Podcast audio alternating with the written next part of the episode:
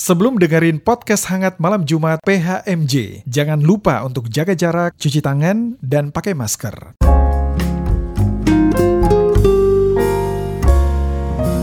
Podcast hangat malam Jumat. Halo, apa kabar? Selamat malam, sobat hangat di mana pun kalian berada. Semoga kita semua selalu sehat ya di masa tra- transisi menuju ke new normal. Nah, walaupun kita masih di rumah, kita harus tetap semangat. Jangan lupa juga nih, harus kita ingatkan terus untuk rajin cuci tangan, selalu hidup sehat, dan kalau misalnya harus keluar rumah, kita harus pakai masker ya. Nah, malam ini kita kembali ada di PHMJ podcast hangat malam Jumat. Nah, PHMJ ini adalah bentuk pelayanan baru dari kami di GPIB Kasih Karunia Tangerang. Dan dalam podcast ini kita akan membahas isu-isu yang sedang hangat dan tentunya akan diisi dengan terang firman Tuhan. Itu yang penting ya. Dan kita semua tentu nggak asing ya dengan yang namanya media sosial, sosmed. Berbagai jenis media sosial kita gunakan tiap hari. Coba kita sebutin tuh ada Facebook, Instagram, Twitter, sampai Spotify sebagai sarana yang malam ini nih kita lagi dengar podcast hangat malam Jumat. Sayangnya nih meningkatnya keberadaan media sosial tidak serta-merta artinya positif.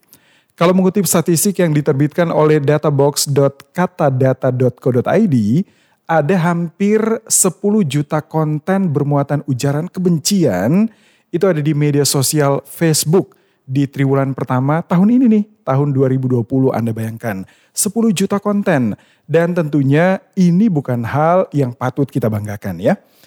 Salah satu alasan terjadinya penyalahgunaan itu adalah ketidakdewasaan dari ya kita semua juga para penggunanya. Nah kali ini di podcast Hangat Malam Jumat kita akan membahas topik kedewasaan dalam bermedia sosial. Malam ini kita juga kedatangan dua tamu spesial yang akan kita ajak ngobrol-ngobrol. Yang pertama ada Ibu Pendeta Artomilka Lia Persang. Ibu Lia selamat malam. Selamat malam. Apa kabar Bu? Kabar baik ya. Dan kedua ada Bapak Diaken Beni Manulang. Saya menyapa Bang Ben, apa kabar? Halo, apa kabar? Menurut saya baik. Oke. Nah sebelum kita mulai, kita tanya-tanya dulu nih ya. Pengen kepo juga nih ke Ibu Pendeta dan Bang Beni nih. Pertama Ibu Pendeta, Ibu aktif di sosial media Bu? Lumayan. Lumayan. Apa aja? eh, Facebook. Hmm, Facebook iya. ya, Aktif? Aktif. eh, Banget. Enggak banget sih. Lumayan lah. Iya, Twitter Twitter nggak punya. nggak punya. punya. Oke. Instagram. Instagram punya Mm-mm. punya eh, satu yang memang punya saya. Satu lagi saya sengaja bikin buat Hector. Oh Nah, iya. nyimpen iya. foto-foto dia aja. Ya ya ya. Di eh, timelinenya atau di IG story aktif? Eh, IG story nggak terlalu sih.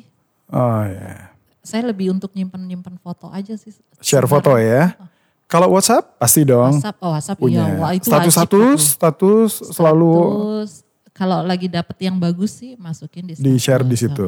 Lain punya bu? Line, line punya tapi nggak aktif. Oke. Spotify harus dong. Oh iya. Kan dengerin kita Oh, malam oh. ini. Wajib itu. Wajib ya. Kalau Bang Ben gimana? Apa aja nih? Facebook punya Facebook ada, punya aktif eh, aktif sebagai penonton. penonton. Terus apa lagi? Eh, Twitter Twitter ada. aktif juga? Twitter lebih aktif di Twitter justru daripada Facebook. Kenapa? Karena nggak tahu ya, saya lebih suka crowd di Twitter sih. Masing-masing sosial media itu men- menurut saya ada ada ada suasananya sendiri-sendiri gitu. Beda-beda ya. Kalau IG, Instagram, IG lumayan juga aktif juga. uh WA, Eh, WA pasti tiap hari Pasti ya. kerjaan, eh, pertemanan, komunikasi gitu komunikasi. kan. Status-status WA, Eh, status WA enggak sih? enggak. Eh, Lain, Lain ada tapi idol, idol. uh terus eh, Spotify. Ah, kalau Spotify pasti berangkat kerja, pulang kerja tuh biasanya sambil denger Spotify. Oke, termasuk buat kita mau dengerin PHMJ, Betul. jangan lupa untuk download Spotify ya, biar bisa dengar kita terus. Nah, tadi sedikit gambaran bagaimana aktifnya Ibu Pendeta dan Bang Beni ya di sosial media. Kalau eh, kalian, kalau Anda gimana? Nah, kali ini kita mau bicara soal penggunaan internet di Indonesia ya, yang mulai meluas sejak masuknya teknologi 3G ke kita nih ke Indonesia, itu mungkin tahun 2006 ya. Dan waktu itu Dirjen Pos dan Telekomunikasi menggandeng beberapa operator seluler untuk mengembangkan teknologi 3G di Indonesia. Kalau sekarang kan udah masuk 5G ya. Udah mau ke sana nih. Nah, berkembangnya internet di Indonesia tentunya mendorong kita untuk semakin membuka diri ke pergaulan internasional. Dan kalau kita mau sebut Facebook ini sebagai media sosial pertama yang meledak di masyarakat Indonesia. Nah, kalau kita data eh, kita cek data tekno.kompas.com, pengguna Facebook di Indonesia pada 2008 itu berapa tuh? Berapa tahun lalu itu baru sekitar 300-an ribu sekian ya. Kemudian 2010, 10 tahun lalu, angka ini melonjak menjadi 26,8 juta pengguna. Nah, data dari statista.com jumlah pengguna Facebook di Indonesia per April tahun ini itu sudah di angka 130 juta orang. Nah ini artinya kira-kira setengah populasi Indonesia adalah pengguna media sosial rintisan dari Mark Zuckerberg ini ya. Semua itu pengguna Facebook. Nah saya mau tanya ke Ibu Pendeta dulu nih. Bu, yang tadi kurang lebih gambaran soal bagaimana masuknya internet ke Indonesia, meledaknya Facebook, termasuk ibu juga yang aktif di Facebook gitu kan. Bagaimana reaksi ibu tentang sosial media semacam Facebook ini? Uh, Facebook kalau saya bagus ya, bagus maksudnya gini. Uh, waktu saya nggak inget sih kapan saya pertama kali bikin Facebook. Katanya sih bisa dicek ya, cuman saya nggak ngerti caranya. Jadi ya udahlah, nggak usah dipikirin gitu. Uh, cuman pas uh, punya Facebook dan makin ke sini, uh, saya bilang bagus karena ada banyak ketemu orang-orang yang selama ini nggak bisa ketemu. Gitu. Ah. Teman-teman kuliah yang sudah sekian puluh tahun nggak ketemu, ketemu di Facebook gitu. Saudara-saudara yang selama ini saya nggak tahu bahwa mereka itu ada di mana, hmm. ketemunya hmm. di Facebook gitu. Terus uh, papa mama saya itu kan sudah di Surabaya sudah dari sejak mereka muda. Mereka hmm. nikah juga di Surabaya gitu. Jadi ada banyak saudara-saudara yang saya nggak tahu bahwa uh, mereka itu saudara gitu. Hmm. Dan mereka muncul di Facebook saya gitu dan bilang ini loh saya anaknya ini, anaknya ini, anaknya ini, anaknya ini gitu. Oh, dan itu di terus, daerah? Uh, uh, di sama, Sumba. bukan di oh di Sumba. Uh, uh. Yeah. Terus mereka terus saya nanya sih gitu, saya nanya sama waktu itu orang tua masih ada, saya nanya, "Oh, itu saudara." gitu. Terus dikasih tahu saudaranya saudara gimana uh, gitu. Saya bilang, "Oh, oke okay, gitu." Ya bagus sih gitu. So far ya sangat menguntungkan ya jadi jadi punya apa eh, pengaruh atau punya teman pergaulan yang lebih luas gitulah jadinya gitu kan yeah. gak cuma yang deket-deket yang kita tahu sampai ke mana-mana juga kita tahu ternyata ya ada saudara ada temen dan termasuk yang dari luar negeri teman-teman uh, lama gitu luar bu. negeri uh, ada sih ada hmm. ada Iya. Kalau di Facebook ibu udah berapa tahun tuh? 10 lebih mungkin? Nah itu saya lupa saya kapan bikin Facebook. Oh ya udah. Katanya kan, tadi bisa dicek sih tapi saya nggak yeah. tahu. Berarti Caranya. nanti kita tanya, tanya bapak aja soal itu ibu ya. uh, bisa juga sih karena biasanya tentang angka ya, yang ngajak yang duluan lebih, siapa? Yang bikin account duluan yang ibu atau bapak duluan pendeta? Saya. Oh. Uh -uh. Saya okay. duluan terus ngajak bapak. Iya iya iya. Nanti Bang Benny bisa bantu Ibu ya, bisa ngecek kapan mulainya. Biar tahu bisa, kapan bisa. bikin ya. Iya, okay. boleh, boleh, boleh. Bang Benny gimana nih uh, tanggapannya saat Facebook kan mulai marak. Kalau nggak salah Bang Benny itu masih kuliah atau udah lulus ya waktu uh, itu? Akhir-akhir kuliah itu. Akhir kuliah. Akhir kuliah. Waktu lagi mulai merebak gimana tuh reaksinya? Uh, Sebenarnya sih buat kita yang di kuliah bukan hal baru sih Facebook ini Malah kita dulu nggak percaya akan besar karena dulu ada yang sangat besar tuh Friendster. Friendster, Friendster yeah. itu besar banget, penggunanya sudah banyak, terus orang pikir kalau sudah punya Friendster untuk apa juga punya Facebook gitu. Uh -uh. Tapi ternyata Facebook berkembang luar biasa dan uh, waktu itu sih justru saya lihat banyak yang dapat manfaat itu orang-orang tua yang ketemu teman lamanya dan saudara oh. lamanya. Yeah. Kalau angkatan saya, kalau kisah apa kisahnya Bu Pendeta itu uh, dia ketemu saudara dan dia ketemu saudara dan teman-teman lama itu lewat Facebook. Mm -hmm.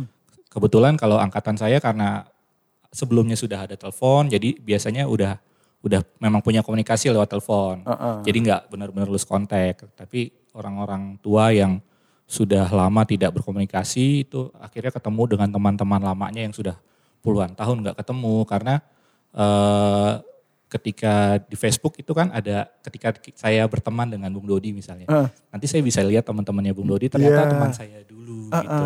Itu itu kemudian berlanjut berlanjut berlanjut dan akhirnya ya Facebook bisa sebesar ini sekarang gitu sih. Oke. Okay. Ibu Pendeta mungkin masih ingat punya Friendster sebelum Facebook? Enggak. Enggak, enggak punya. Enggak. Jadi media sosial pertama Facebook. Uh, media sosial pertama iya, ha, kayaknya iya. Oh, ha, Facebook ya. Oke. Okay. Uh, dulu dulu enggak nggak nggak gitu sama sekali nggak sih setelah setelah kalau nggak salah saya udah pendeta ya baru punya Facebook. Ya. Oh iya. Lupa iya. deh. Pokoknya baru baru Facebook. Oke, nah kalau kita bicara tentang Facebook sebagai media sosial yang paling populer di Indonesia di awal dekade lalu, seperti tadi Bang Benny bilang, coba sekarang kita masuk ke perkembangan media sosial paling nggak dalam lima tahun terakhir ya. Data dari datareportal.com, jumlah akun media sosial aktif di Indonesia itu lima tahun lalu masih di angka 72 juta account dengan rata-rata penggunaan setiap hari ya 2 jam 52 menit ya, 2 jam lebih hampir 3 jam. Tapi kalau kita bandingkan dengan tahun ini 2020, sekarang tuh di Indonesia ada 160 juta pengguna sosial media dengan rata-rata waktu penggunaan sekitar 3 jam 26 menit per hari. Jadi orang Indonesia mungkin tiga setengah jam menghabiskan waktu di sosial media, khususnya di Facebook gitu ya. ya. Tapi Facebook sih sendiri udah turun tahta. Posisinya eh, sekarang diambil alih oleh kalau kita lihat dari datareporter.com, YouTube dan WhatsApp menjadi dua media sosial yang paling banyak diminati Indonesia di tahun ini. Cuman ya karena mungkin happeningnya di awal gitu kan orang kenal dengan Facebook dan yang lain. Uh, Bu Pen, Ibu Pendeta gimana nih menanggapi soal tadi ada data dari awal pengguna sampai waktu orang Indonesia menghabiskan di sosial media bisa tiga setengah jam lebih.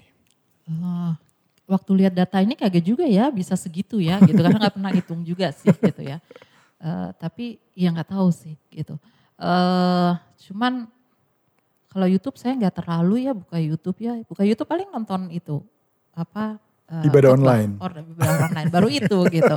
Kalau yang sebelum sebelumnya masak-masak gitu bu dan dan dan dan enggak ya? Saya enggak sih Uh. Enggak sih. Kalau masak saya lebih suka beli bukunya. Oh. Uh, gitu. Enggak enggak terlalu sih. Uh, cuman ya itu ya kaget juga ternyata sampai 3 3 jam 26 menit ya. Hmm. Gitu ya. Ya, banyak tuh, Bu. Banyak juga itu. Iya. Lumayan ya. tuh. Pengalaman Ibu sendiri gimana tuh?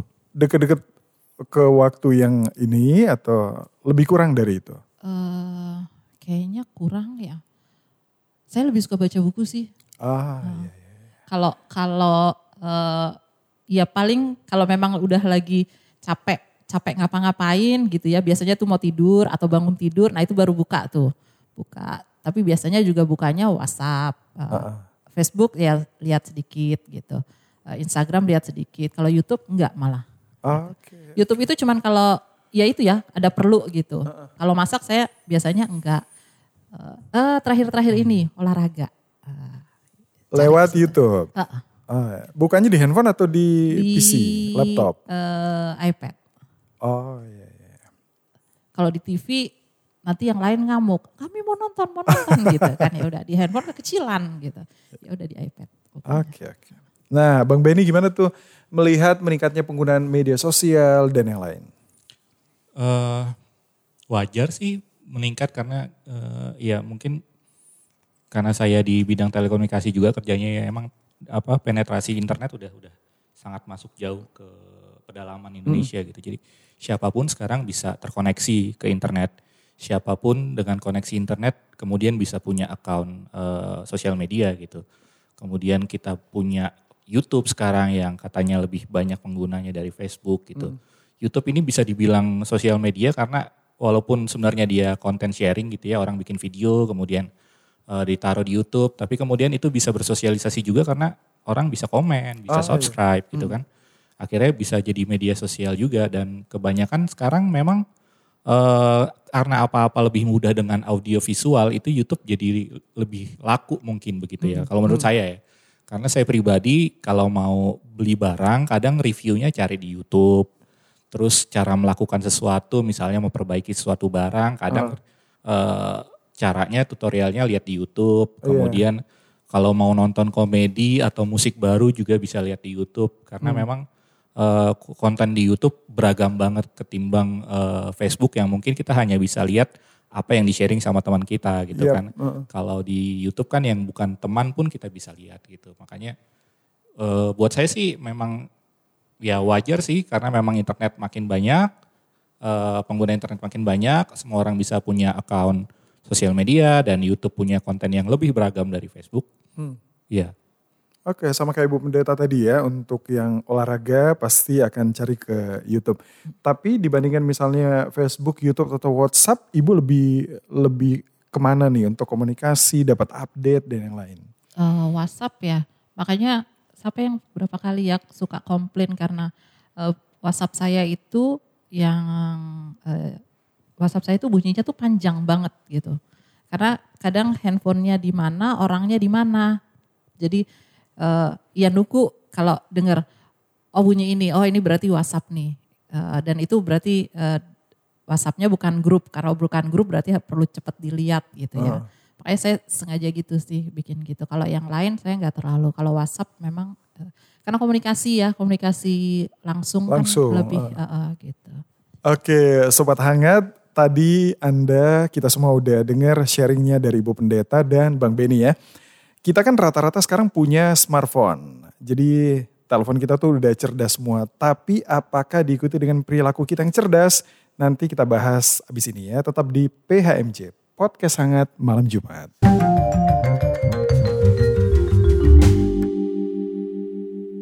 Mengingatkan jemaat GPIB Kasih Karunia bahwa kita akan memulai kembali ibadah hari Minggu baik di GKK2 maupun di Rumah Ibadah Pospel Taman Adiasa pada tanggal 28 Juni 2020. Sesuai ketentuan protokol kesehatan di masa pandemi, ada beberapa hal yang perlu diperhatikan, yaitu Anak-anak, ibu hamil, ibu menyusui, dan jemaat yang berusia 60 tahun ke atas diminta untuk tetap mengikuti ibadah online di rumah. untuk jemaat yang dapat hadir harus dalam keadaan sehat. Jemaat wajib menggunakan masker dari rumah. akan dilakukan pengecekan suhu tubuh sebelum masuk ruang ibadah. Jika suhu tubuh di atas 37,5 derajat Celcius, maka jemaat tidak diperkenankan untuk mengikuti ibadah di gedung gereja. Jemaat wajib mencuci tangan sebelum masuk ke ruang ibadah. Jemaat menempati posisi duduk yang sudah diatur. Diharapkan tidak melakukan kontak fisik baik bersalaman, berpelukan, atau cipika-cipiki. Salam persekutuan dilakukan tanpa kontak fisik. Terakhir, setelah ibadah, jemaat diminta untuk tidak berkerumun dan langsung kembali ke rumah masing-masing.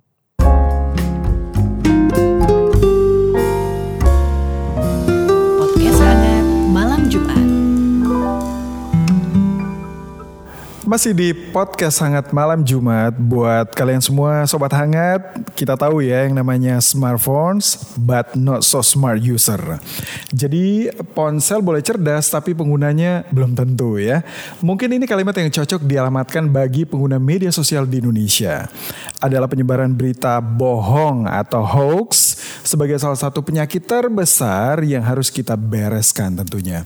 Nah, di 2016 lalu New York University and Princeton University pernah bikin satu riset nih tentang perilaku pengguna Facebook di saat periode pemilu presiden di Amerika sana ya. Nah, hasilnya begini. 11% penyebar kabar bohong atau hoax itu rata-rata umur 65 ke atas. Sedangkan kelompok usia muda itu rata-rata umur 18 hingga 29 tahun ada sih tapi kecil hanya 3%. Nah, hal yang sama juga terjadi pada saat pemilu presiden Indonesia. Masih ingat kan tahun lalu ya, 2019.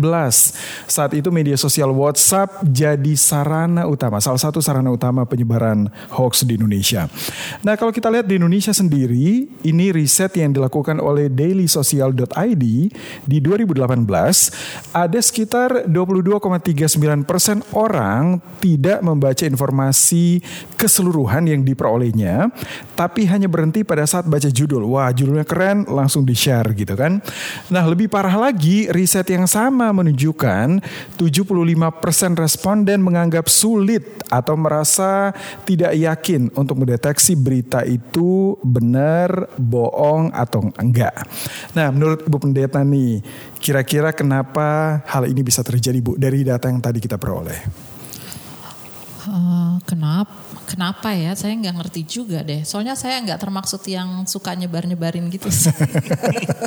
Pengalaman ibu menerima hoax atau membaca hoax? Pengen samperin orangnya gitu ya. uh, tapi mungkin ya, mungkin. Uh, apalagi lihat-lihat uh, fakta yang disampaikan tadi di atas antara usia 25 tahun, eh, sorry 65 tahun ke atas gitu ya. Artinya Artinya kalau udah kayak begitu uh, ya itu tadi ya mungkin nggak pakai baca kali ya cuman hmm. lihat wah kayaknya seru nih gitu hmm. kayaknya temen gue perlu tahu nih terus dikirim lah gitu ya hmm. mungkin gitu kali uh, tapi saya nggak nggak nggak nggak berani komen juga sih gitu ya karena kalau saya kalau saya nggak tahu itu berita benar apa enggak hmm. saya nggak berani share gitu nggak berani forward gitu uh. kadang pun uh, sudah dapat berita gitu itu juga saya masih ya udah cukup saya aja yang baca gitu. Nah kalau ibu dapat berita itu, ibu langsung ngeklik lihat baca judul uh, semua beritanya, atau cuma lihat judulnya ah ini mah nggak benar, oh ini benar kayak gitu nggak bu? Uh, saya biasa baca judul. Uh. Kalau kira-kira, kira-kira menurut saya itu ada manfaatnya kalau saya baca saya klik saya baca gitu uh. tapi kalau enggak ya udah biarin aja gitu yeah. amat gitu soalnya saya gitu buang gitu data juga sih bu ya iya ya Biar buang hemat data, data ya, ya. Oh, iya. uh pakai wifi sih di rumah jadi Iya, iya, iya. Iya, jadi uh, ya itu saya nggak berani komen sih karena saya nggak nggak nggak ini nggak tahu gitu uh, kenapa gitu. Tapi mungkin masuk akal juga ya karena itu. Hmm. Tapi kurang lebih ibu uh, setuju dengan ya pengalaman di Amerika sana sih ya, yang misalnya umur 65 ke atas, iya, iya. yang paling banyak menyebar hoax, iya, yang iya. bawahnya yang lebih muda, iya. lebih mudah uh, mendeteksi dan segala iya. macam. Iya karena ya mungkin kalau yang muda lebih lebih tahu lah ya mau pakai handphone gimana gitu ya. Mm -hmm. uh, ya anak-anak sekarang aja lah mereka kayaknya lebih lebih tahu deh pakai handphone daripada dan itu nggak ada kita nggak pernah ngajarin gitu kan mau buka ini gimana mau buka itu gimana. Tapi mereka bisa kan gitu. Dibandingin dengan yang lebih senior dari itu kadang udah diajarin berulang-ulang juga kagak ngerti-ngerti gitu. Kan masih aduh sampai kita bosen kadang-kadang ngasih taunya gitu. Ya mungkin ada pengaruh itu ya dari dari usia gitu ya. karena jadi nggak nggak cek lagi dan akhirnya ya udah bagi-bagi aja gitu. Oke, okay. Bang Ben gimana nih melihat fenomena yang tadi kita sempat dapat dari beberapa data? Hmm, kalau ngelihat fenomenanya uh, kemungkinan gini ya. Kalau kita kan ngerti ada ada ada baby boomers gitu uh, kan, uh, uh. terus Gen X, Gen Y, terus millennials seperti itu. Nah, Uh, kemungkinan karena uh, kalau tadi dibilang 65 tahun ke atas yang banyak sebar hoax karena memang mereka gamang dengan arus informasi yang cepat banget gitu. Hmm.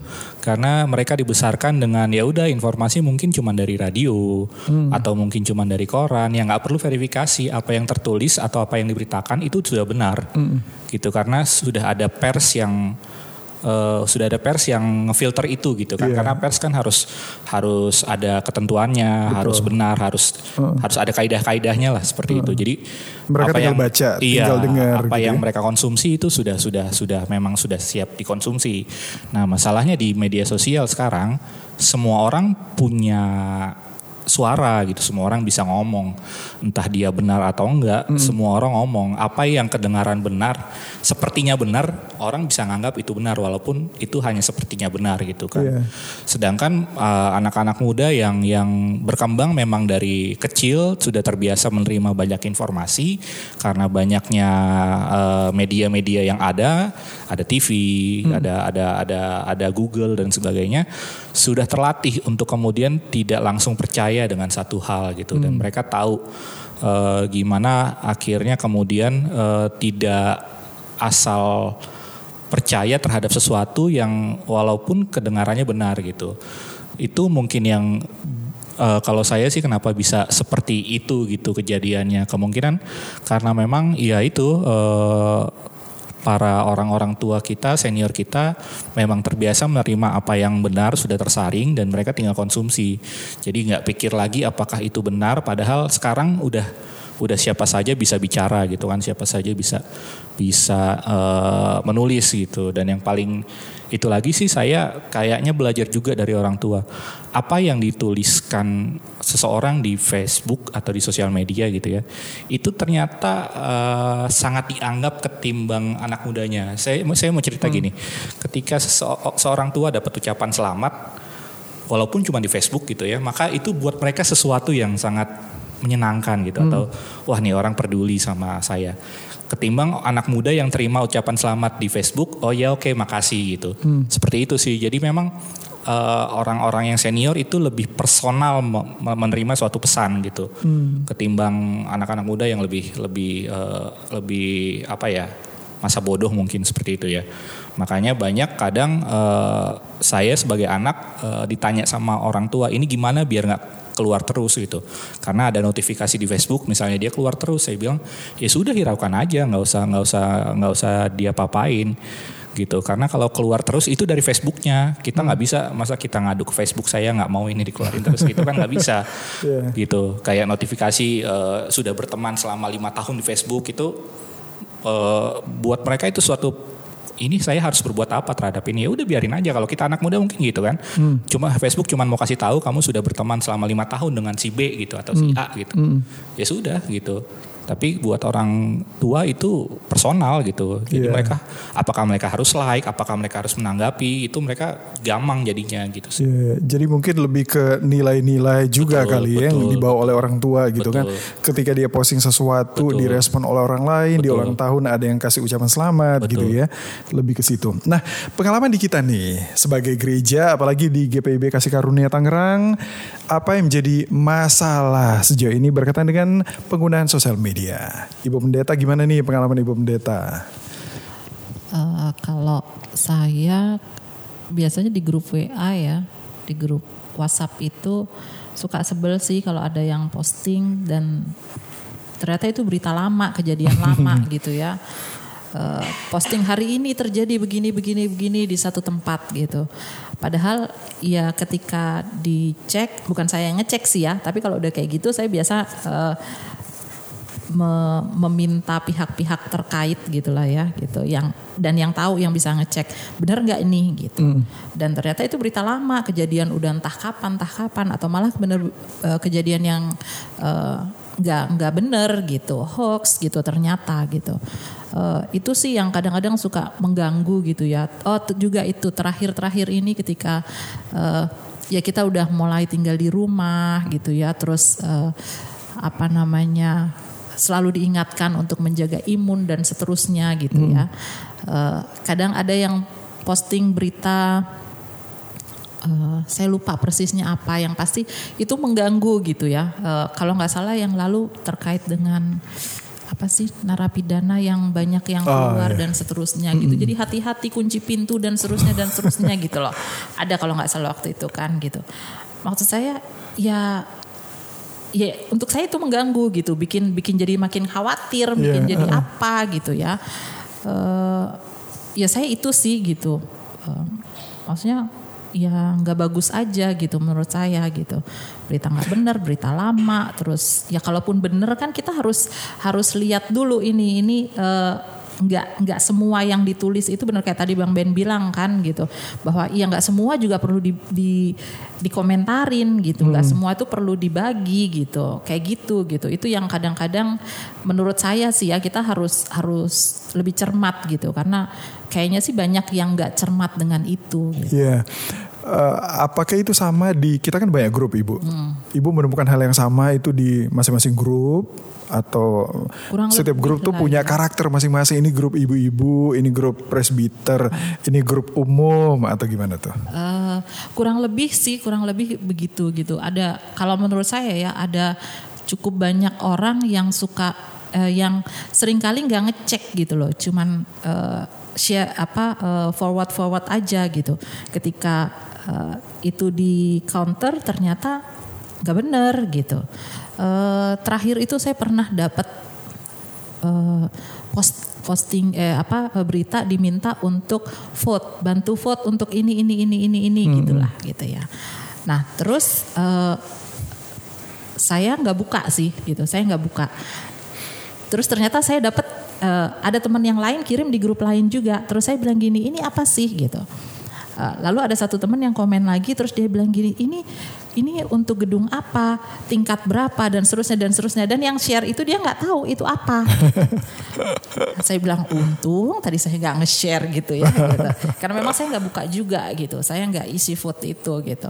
Cuman ya ternyata yang nge-share di grup yang lain itu juga nggak ngerti juga gitu. Itu kan yang kayak kayak gitu menurut saya ya ya kalau mau mau share atau mau lakukan sesuatu ya harusnya tahu dulu lah gitu dasarnya apanya semuanya gitu nggak bisa yang kayak gitu gitu saya Oke. gitu sih Ya, kalau Bang Benny gimana melihat apa yang terjadi di kita di GPB Kasus Karunia yang jadi masalah?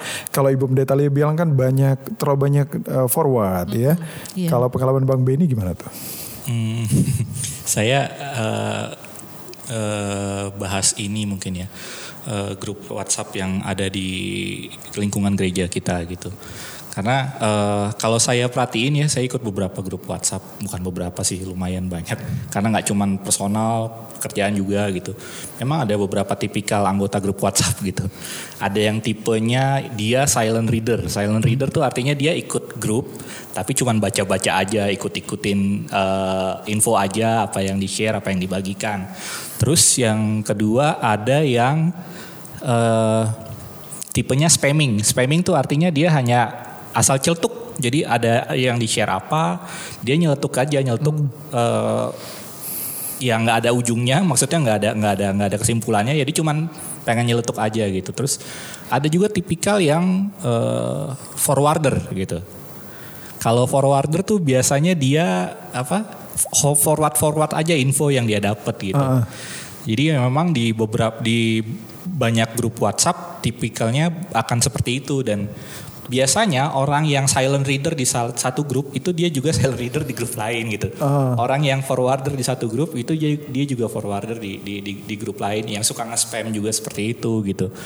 Eh ya di beberapa grup yang tidak tidak tidak apa ya tidak eh, formal gitu itu mungkin oke-oke aja karena kita untuk have fun aja dengan mungkin dengan teman lama dengan teman- teman-teman akrab gitu ya udah kita have fun aja. Tapi di tapi di beberapa grup yang formal gitu eh, hal seperti itu justru malah mengaburkan tujuan dari grup WhatsApp itu dibangun gitu.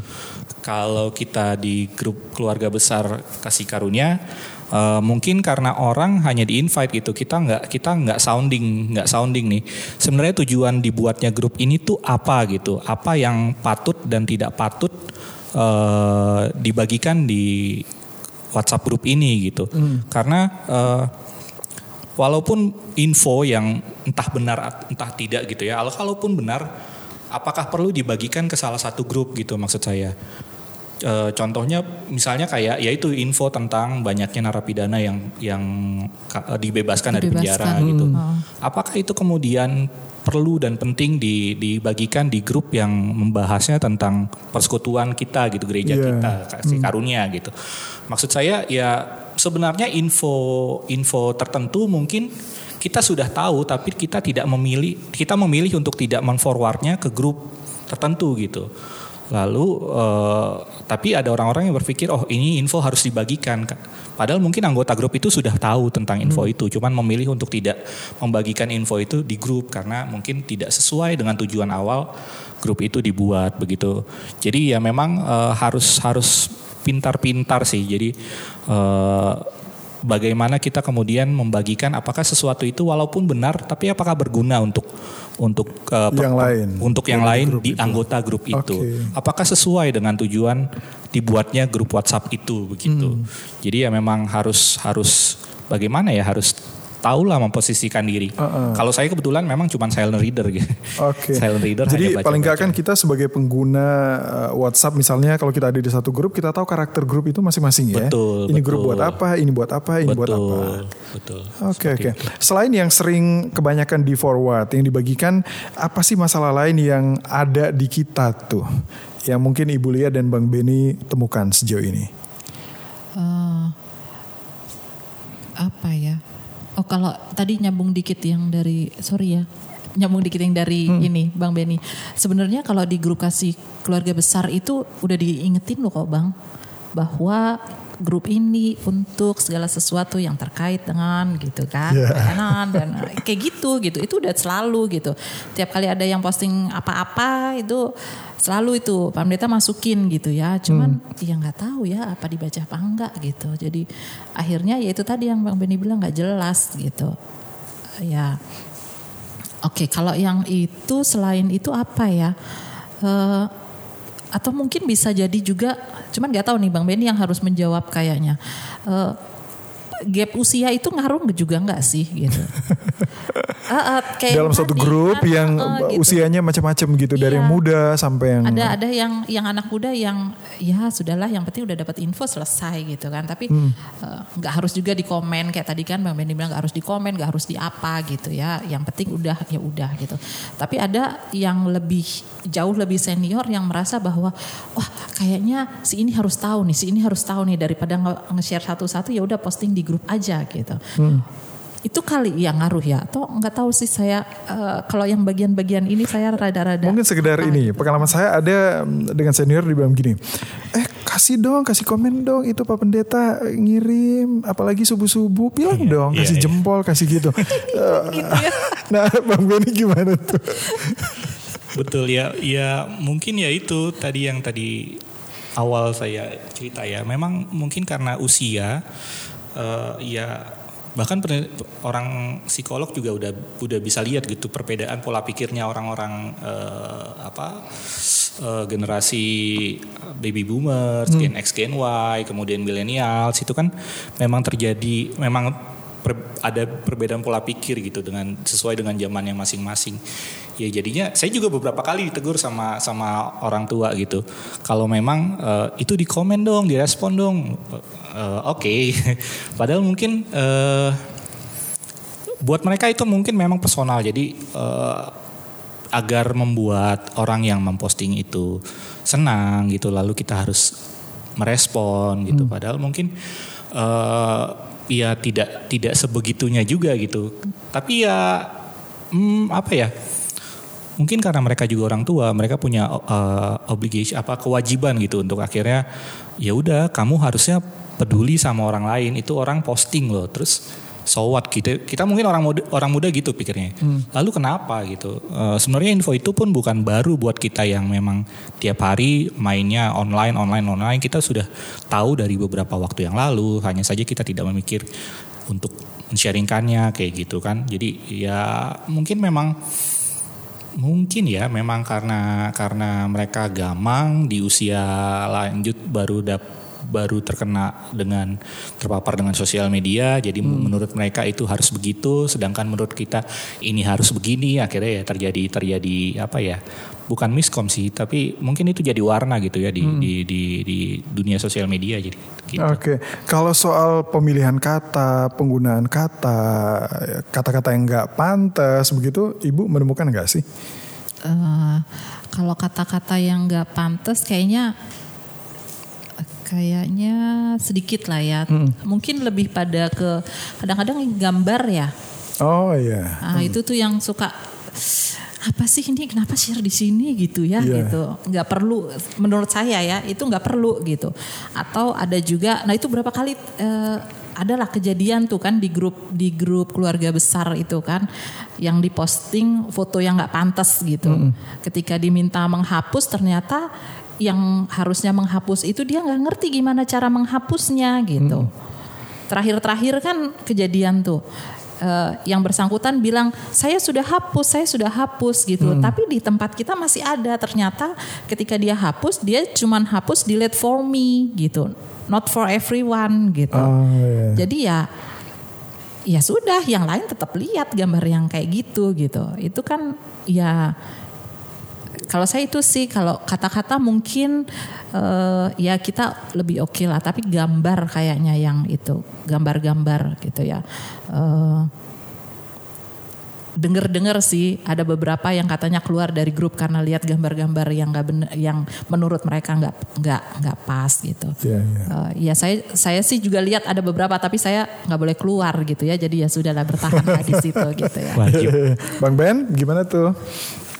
Saya sih ngelihatnya ya itu karena ya itu balik lagi karena karena gamang mungkin ya. Saya saya yakin itu bukan hal yang uh, disengaja gitu karena saya yakin masing-masing orang di grup itu punya nggak punya niat untuk membagikan hal yang nggak baik gitu cuman bisa karena gak, eh, sorry bang bisa nggak sih salah salah pencet nggak maksud nggak maksud ngirim tapi mungkin, ternyata mungkin sekali kirim. mungkin yeah. sekali uh. mungkin sekali karena terbukti dari salah bukan terbukti sih ya maksud saya begitu dikirim dia mau langsung hapus gitu. Walaupun cara hapusnya salah. Dari situ bisa kita lihat memang dia nggak ada maksud uh, untuk sharing uh, hal seperti itu. Mungkin kepencet mungkin uh, apa handphone yang ngelek dia pencet pencet pencet pencet akhirnya kirim gitu. Iya, iya. banyak banyak banyak kemungkinan sih hal itu bisa terjadi. Tapi saya saya masih yakin sih di grup uh, grup WhatsApp uh, eh, GPIB Kasih Karunia gitu semua masih mau berniat baik gitu tidak ada yang mau membagikan hal-hal yang yang macam-macam ya. gitu. Ah. Cuman dengan caranya masing-masing. Ada yang forward-forward terus, hmm. ada yang uh, komen-komen terus, ada yang spamming, ada yang silent reader begitu sih. Menurut hmm. saya sih gitu. Oke, nanti abis ini kita bahas dari sisi anak muda soal penggunaan sosial media, mungkin lebih detail ke Instagram atau yang lain ya. Tetap di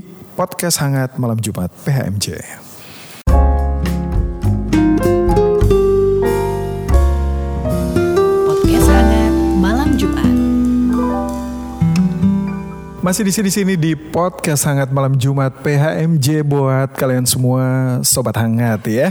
Kalau tadi dua segmen kita udah bicara macam-macam soal sosial media. Nah, kali ini kita bicara mengenai beda kelompok umur, beda juga sosial medianya dan macam-macam masalahnya juga beda-beda gitu kan. Nah, menurut data reporter.com pada 2015, lima tahun lalu ya, Instagram yang sekarang lagi hits di kalangan anak muda tuh hanya diakses oleh 7% pengguna media sosial di Indonesia. Itu data lima tahun lalu ya. Dan tahun ini kita lihat perbedaannya. Sekarang ada 79% pengguna media sosial di Indonesia aktif memakai Instagram. Nah, menurut riset yang diterbitkan oleh napoleoncat.com, ada 71,2% pengguna Instagram di Indonesia itu di umur 18 sampai 34 tahun ya, kurang lebih seumuran kalian lah ya, anggota GP, anak muda tentunya. Ya. Bang Ben, Yep. Apa yang bikin Instagram itu lebih banyak diminati anak muda? Apa yang bikin Instagram lebih banyak diminati anak muda? Uh, saya nggak punya studi dasarnya sih ya. Tapi kemungkinan karena uh, satu Facebook itu banyak dimiliki sama orang tua atau isinya orang tua uh -uh. gitu. Karena kalau saya buka Facebook itu tante ini posting lagi masak, uh -uh. si om itu posting lagi sepedahan, kemudian ada opung itu lagi jalan-jalan sama anaknya gitu. Okay. Jadi isinya kebanyakan memang orang tua. Uh -uh. Waktu pindah ke face ke Instagram, sorry dari aplikasi Facebook saya pindah ke Instagram, itu yang banyak isinya jadi orang muda. Entah memang orang muda tidak mau bercampur dengan orang-orang tuanya atau memang konten di Facebook memang sudah udah terlalu umur buat mereka gitu. Uh. Jadi banyak pindah ke Instagram. Tapi memang yang perlu diperhatiin Instagram ini dulu rame awal-awal rilis tuh rame. Kemudian sempat dikalahkan dengan yang sekarang udah nggak ada itu Pet. Oh iya. Mm. Pet itu uh, lumayan jadi lebih banyak uh, orang menggunakan pet daripada posting di Instagram gitu. Kemudian tapi ternyata di kemudian hari pet hilang gitu, tutup. Akhirnya Instagram rame lagi. Dan Instagram juga fiturnya jadi makin banyak, nggak cuma foto, sekarang bisa video, bahkan bisa bisa story gitu ya. Kemudian ada lagi baru lagi IG TV seperti Iya. itu ya. Jadi ya mungkin karena memang banyak anak muda yang main di Instagram, akhirnya ya Instagram isinya jadi konten-konten anak muda sih begitu sih. Oke. Nah, tadi kalau kita lihat mengenai masalah yang sering dihadapi oleh generasi yang lebih tua di media sosial yang lain kan itu penyebaran berita hoax ya, berita bohong di WhatsApp maupun di Facebook. Kalau di IG sendiri khususnya bagi generasi muda, apa sih masalah yang sering muncul? Dan kira-kira apa tuh yang bikin masalah itu ada? Nah ini eh saya mungkin bisa komen begini ya, eh, anak-anak muda sekarang tuh nggak mau eh, apa mengkonsumsi sesuatu yang terlalu berat gitu. Karena kalau lihat di Facebook isinya orang ngomongin politik, debat politik segala Iya. macam, aduh terlalu pusing. Mereka cuman mau eh, si, ambil sisi refreshment atau rekreasi dari dari akses ke mereka ke sosial media gitu. Akhirnya mereka pilihlah eh, Instagram gitu kan di Instagram mereka bisa rekreasi, bisa lihat eh, pemandangan-pemandangan bagus, bisa lihat OOTD, outfit of outfit of the day gitu Iya, ya. iya. Bisa lihat yang muda-muda atau apa eh, pemuda-pemuda bisa lihat pemudi-pemudi lengkap dengan make up dan baju cantiknya begitu ya atau bisa lihat eh, koleksi mobil, Iya. koleksi jam tangan gitu. Jadi memang hal-hal menyenangkan dan rekreatif itu diaksesnya lewat Instagram biasanya gitu.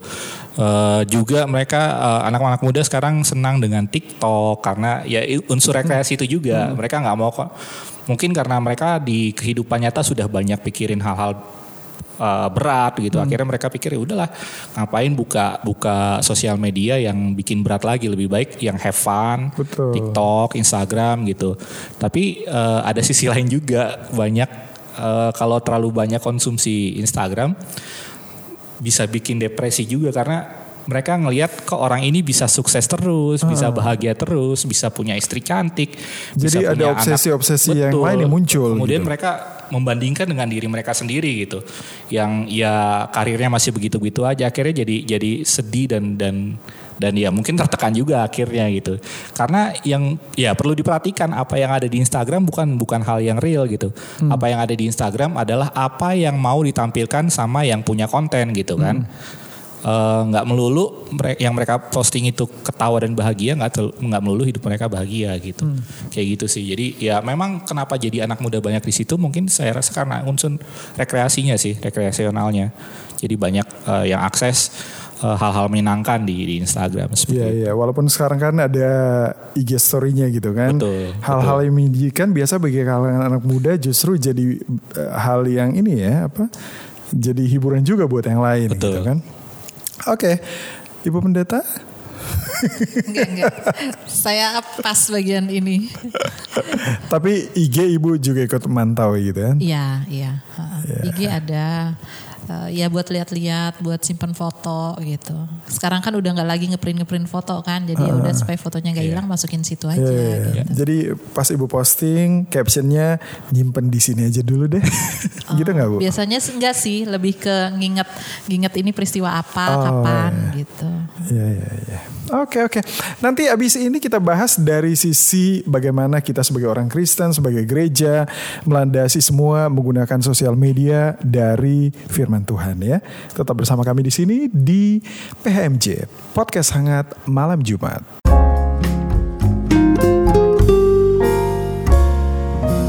Podcast hangat malam Jumat. Masih di podcast hangat malam Jumat PHMJ buat kita semua sobat hangat bukan PHMJ namanya ya kalau misalnya kita nggak bahas firman Tuhan. Nah ini bagian dari segmen terakhir kita mau diskusi bagaimana firman Tuhan melihat isu media sosial ini tentunya dari macam-macam sudut pandang ya yang tadi kita sudah bahas. Saya mulai dari Bang Ben, gimana melihat ini? Kita melihat tentunya dilandasi dengan firman Tuhan.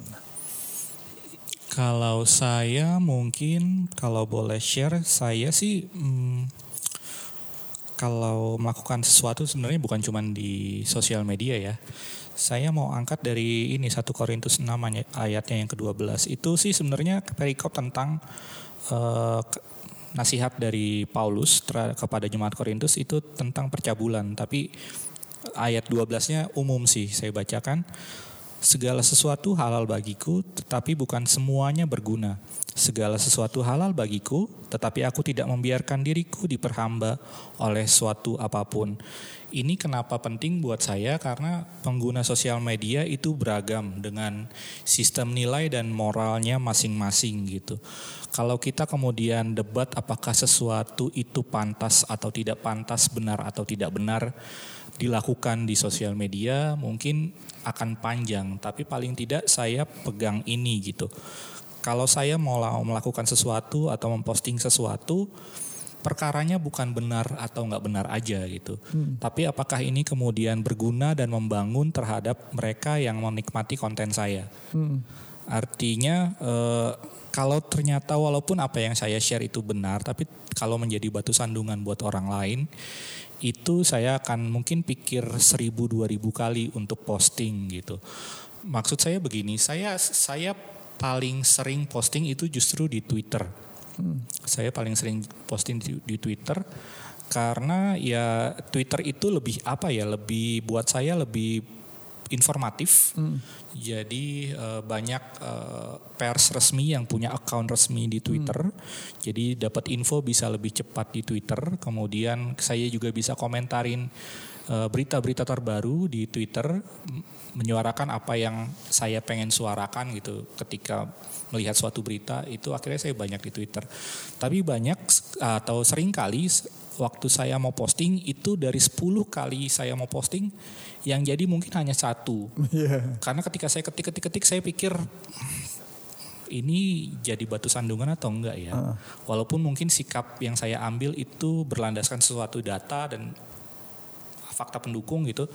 Tapi kalau kemudian jadi jadi sesuatu yang tidak baik atau tidak jadi berkat buat orang lain ya sudah gitu. Jadi ya itulah kenapa akhirnya saya jarang posting di Facebook, di di Instagram, di di Twitter gitu. Hmm. Karena saya benar-benar pikir apakah ini kemudian berguna, apakah ini kemudian bermanfaat walaupun mungkin benar gitu. Hmm. Karena buat saya eh, dunia ini sudah terlalu berisik dan terlalu ribut gitu.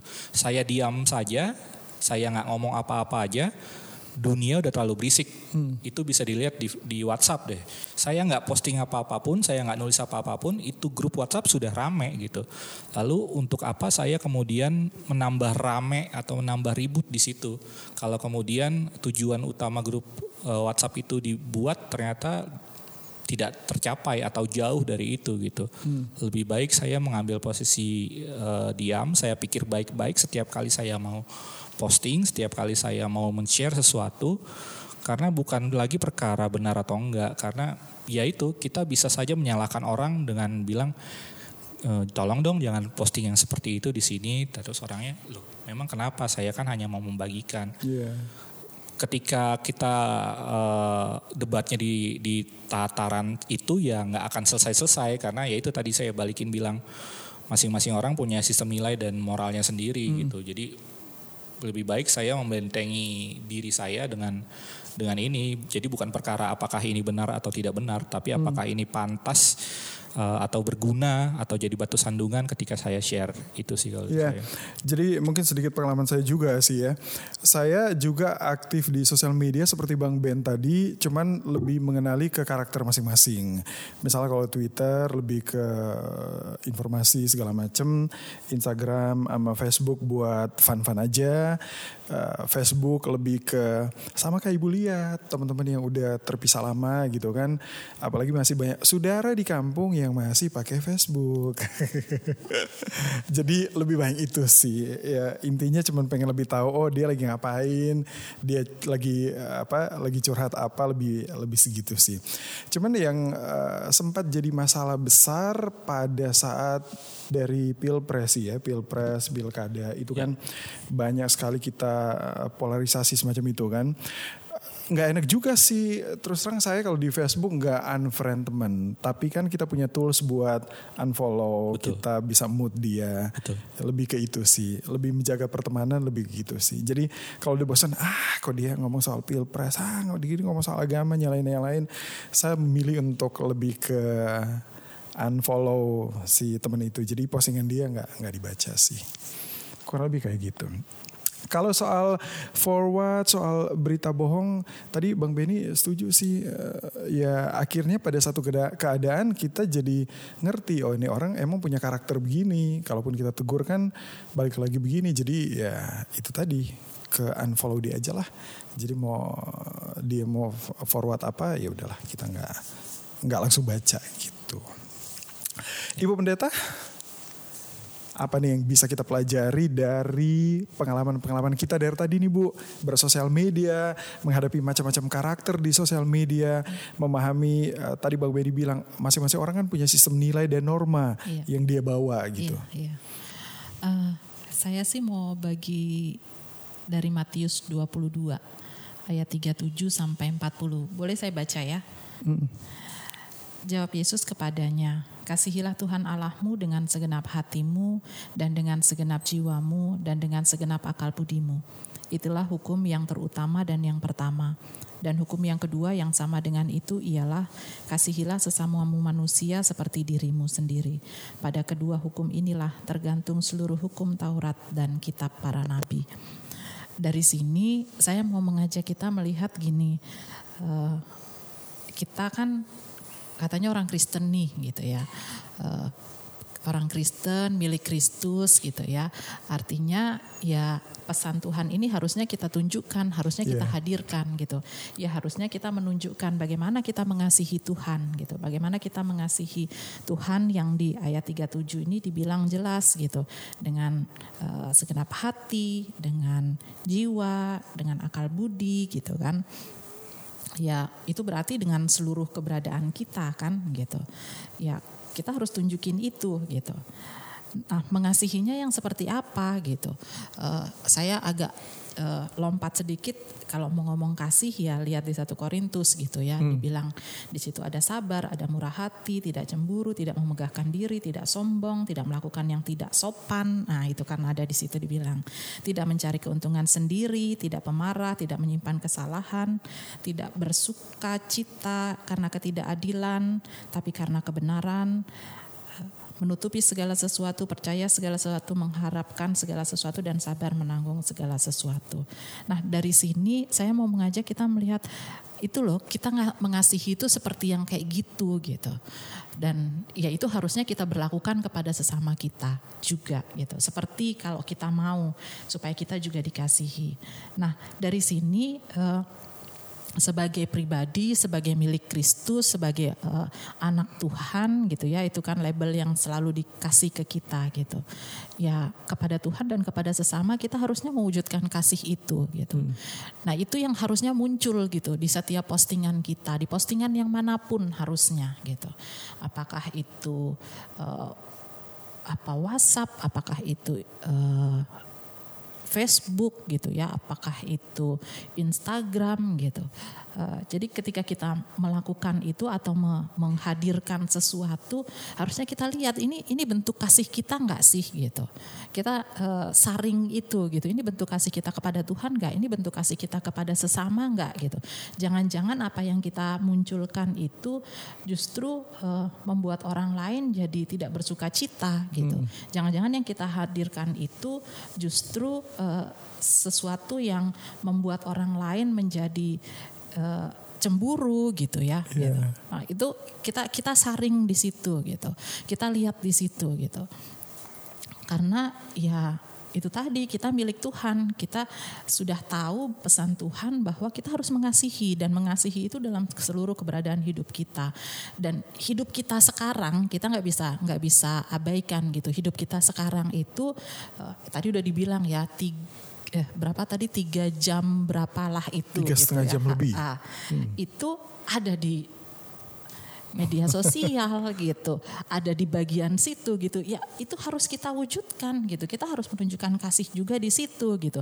Jadi bukan hanya ketika orang melihat kita secara langsung lalu orang bilang oh iya ya uh, dia dia uh, anak Tuhan gitu. Tapi lewat apa yang kita munculkan juga kita harus menunjukkan bahwa ya kita ini anak Tuhan gitu. Kita mau menyatakan di situ gitu. Postingan kita menunjukkan bahwa kita pribadi yang uh, mengasihi Tuhan dan juga kita mengasihi sesama gitu.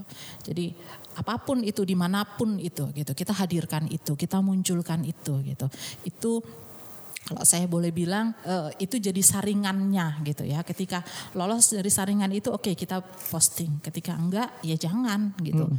Supaya ya benar-benar gitu, benar-benar kita mengasihi Tuhan dan kita uh, mengasihi sesama gitu. Iya. Yeah. Ya, itu. Oke. Okay. Facebook juga ada ini ya, dia kampanye waktu itu mungkin diikuti oleh sosial media yang lain ya, hmm. saring sebelum sharing. Yeah. Seperti Ibu Pendeta bilang kan, jadi kita sharing uh, saring dulu nih apa yang kira-kira bermanfaat bagi orang lain baru kemudian kita sharing. Yang pasti malam ini kita bersyukur sekali ya, kita bisa belajar soal bagaimana bersikap dewasa dalam media sosial, tentunya melalui sudut pandang dari firman Tuhan yang tadi Ibu Pendeta Lia sampaikan. Terima kasih untuk sharingnya Ibu dan Sama-sama. Bang Beni. Nah terakhir sebagai orang tua nih, apa sih yang bisa kita lakukan buat anak-anak kita supaya nggak mengulang kesalahan yang sama, Bang Beni nih? Uh, saya sudah tua. kan uh, sudah jadi saya, sudah jadi orang tua, Bang. mungkin saya begini, uh, saya mungkin boleh pesan aja untuk uh, orang tua dan anak muda gitu ya. Hmm. Untuk orang tua uh, ya selamat menikmati sosial media, bersenang-senang di sosial media. Tapi perhatikan kalau itu apa yang uh, om, tante, opa, oma konsumsi belum tentu benar.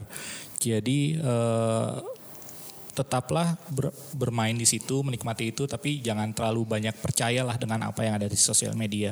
Tetap uh, ya kita masih punya pers, kita masih bisa baca koran, nonton siaran pers dan sebagainya, dan itu lebih valid jauh lebih valid ketimbang apa yang di share di sosial media. Untuk teman-teman muda dan anak-anak muda, saya mungkin bisa sharing begini. Ya selamat menikmati sosial media, selamat berbagi di situ tapi selalu ingat uh, jejak digital itu jahat ya. Nah itu dia. Suatu saat kamu berubah sikap atau suatu saat kamu jadi uh, pemimpin di tengah masyarakat, maka sosial media kamu akan digali sedalam-dalamnya gitu. Apa yang pernah kamu share, apa hmm. yang pernah kamu sukai, tidak sukai, itu akan menunjukkan siapa kamu sebenarnya gitu. Jadi hati-hati bersenang-senang tapi hati-hati itu ya, aja mungkin. Apalagi sekarang kan banyak perusahaan yang uh, nah untuk mencari betul. pekerja dia kan akan betul. melihat sosial media seseorang ya. Ya, bukan rahasia umum, udah uh. udah jadi rahasia umum ya. Hmm. Jadi orang kalau mau hire seseorang sekarang dilihat uh, YouTube-nya apa, kalau hmm. dia punya YouTube, Facebook-nya apa. Uh, Twitternya apa, terus apa yang dia sharing, yeah. nilai-nilai apa yang dia anut dan sebagainya. Betul. Itu ya buat teman-teman muda itu harus tahu itu dinilai itu dinilai sama orang-orang yang akan mempekerjakan kalian. Oke, saya setuju banget dengan, uh, aduh sorry salah, dengan apa di sini menit ke 14.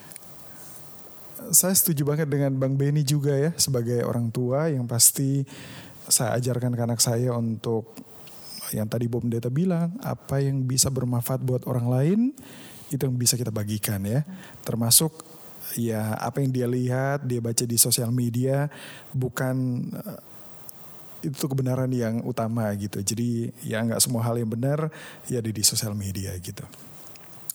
Ibu Pendeta sebagai orang tua juga gimana nih Bu? Apa yang perlu kita ajarkan buat generasi muda kita? Saya mau ikut ke Bang Benny ya. bukan bukan cuma untuk anak-anak tapi untuk semua kita yang uh, aktif di aktif ataupun gak aktif ya hmm. di uh, sosial media. Uh, saya mau sampaikan pesan tapi pesannya saya mau ajak kita lihat dari lagu Kidung Jemaat 467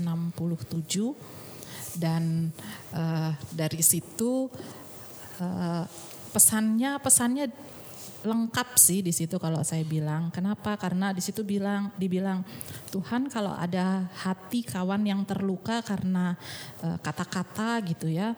Uh, lalu kehendakku jadi uh, panduku ya minta ampun sama Tuhan gitu. Uh, lalu di baitnya yang kedua di situ dikatakan kalau kata-kata atau tutur di situ ya. Tuturku tak semena, aku tolak orang berkesah, pikiran dan tuturku bercela, ya ampunilah gitu. Lalu juga yang bait ketiga eh, menyembah Tuhan, mohon Tuhan menolong, berserah pada Tuhan untuk diberikan kasih yang sejati gitu. Jadi eh, pesannya itu gitu. Kita eh, kembali selalu mau melakukan yang baik ya kalau buat salah ya uh, say sorry gitu ya. Terus uh, yang yang paling penting ya mohon pertolongan Tuhan supaya selalu bisa menyatakan kasihnya untuk semua. Kita nyanyi ya boleh ya sama-sama boleh. ya. Oke. Oke kita nyanyi Kidung Jemaat 467 bait pertama sampai ketiga. Ya. Kita nyanyi satu, dua, tiga.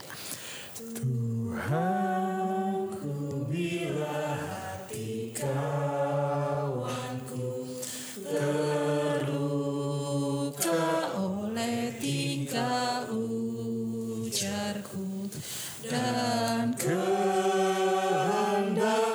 jadi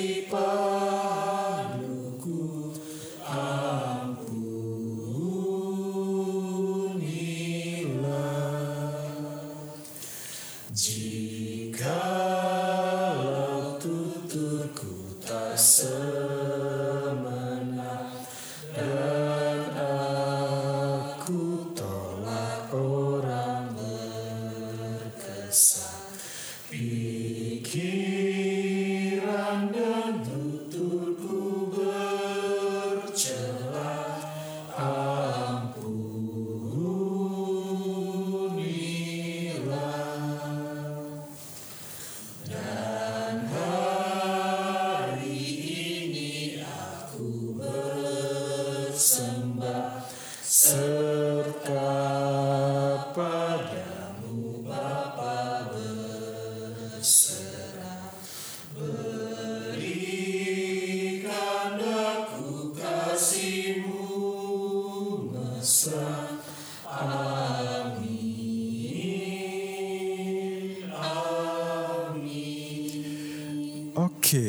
itu dari Kidung Jemaat 467 Tuhanku bila hati kawanku. Nah, sobat hangat itu obrolan hangat kita malam ini tentang kedewasaan dalam bermedia sosial bersama Ibu Pendeta Artomil Kalia Persang dan Bapak Diaken Beni Manulang. Kalau mau tanya-tanya lebih detail, boleh silahkan ke Instagram masing-masing ya, ke sosial media. Boleh Ibu ya? Boleh, Boleh. Bang Ben ya. Dan semoga diskusi kita malam ini bisa membantu kita semua ya untuk lebih berhikmat dalam menggunakan berbagai media sosial yang kita punya. Sekali lagi, thank you Ibu Pendeta Lia, thank you Bang Benny, Sama-sama. thank you teman-teman semua di tim PHMJ. Oke, sampai jumpa di podcast Hangat Malam Jumat edisi selanjutnya. Selamat malam.